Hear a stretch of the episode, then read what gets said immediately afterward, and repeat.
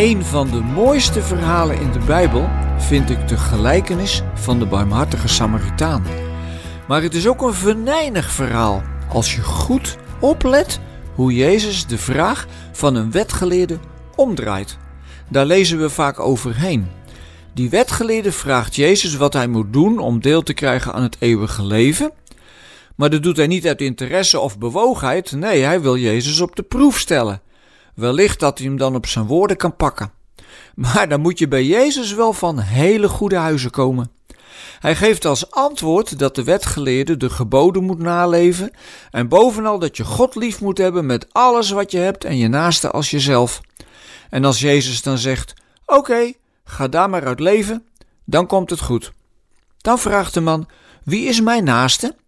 En het mooie is dat Jezus geen rechtstreeks antwoord geeft, maar het verhaal vertelt van de barmhartige Samaritaan. En daarna vraagt hij niet: Weet je nu wie je naaste is? Want dat was de vraag. Nee, Jezus vraagt hem: Wie is nu de naaste geworden van het slachtoffer van de rovers? Jezus maakt van de vrijblijvende vraag van de wetgeleerde een vraag die je alleen maar kunt beantwoorden als je ook betrokken bent.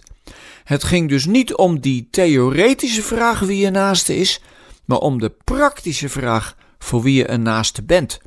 Daar is geen ontkomen aan. En dat maakt de liefde van Jezus zo praktisch.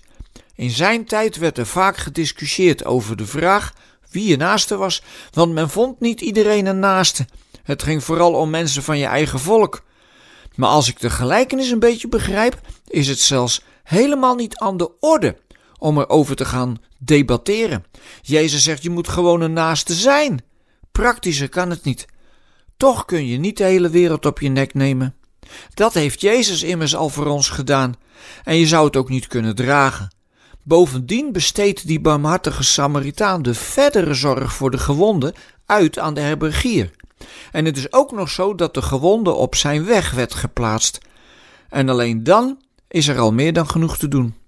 Zou trouwens het feit dat de priester en de leviet aan de overkant voorbij gingen een hint zijn aan ons om ervoor te waken dat de regels boven de liefde gaan? Want ze handelden juist om zich niet te verontreinigen.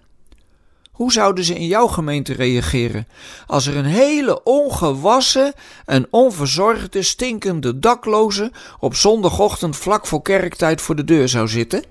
Zou je hem mee naar binnen nemen? Of zou je hem de weg wijzen naar de dichtstbijzijnde opvang? Jezus zegt: Over liefhebben moet je niet praten, dat moet je doen. En hoe geweldig zou het zijn als dat in wat jij uitstraalt al te merken is.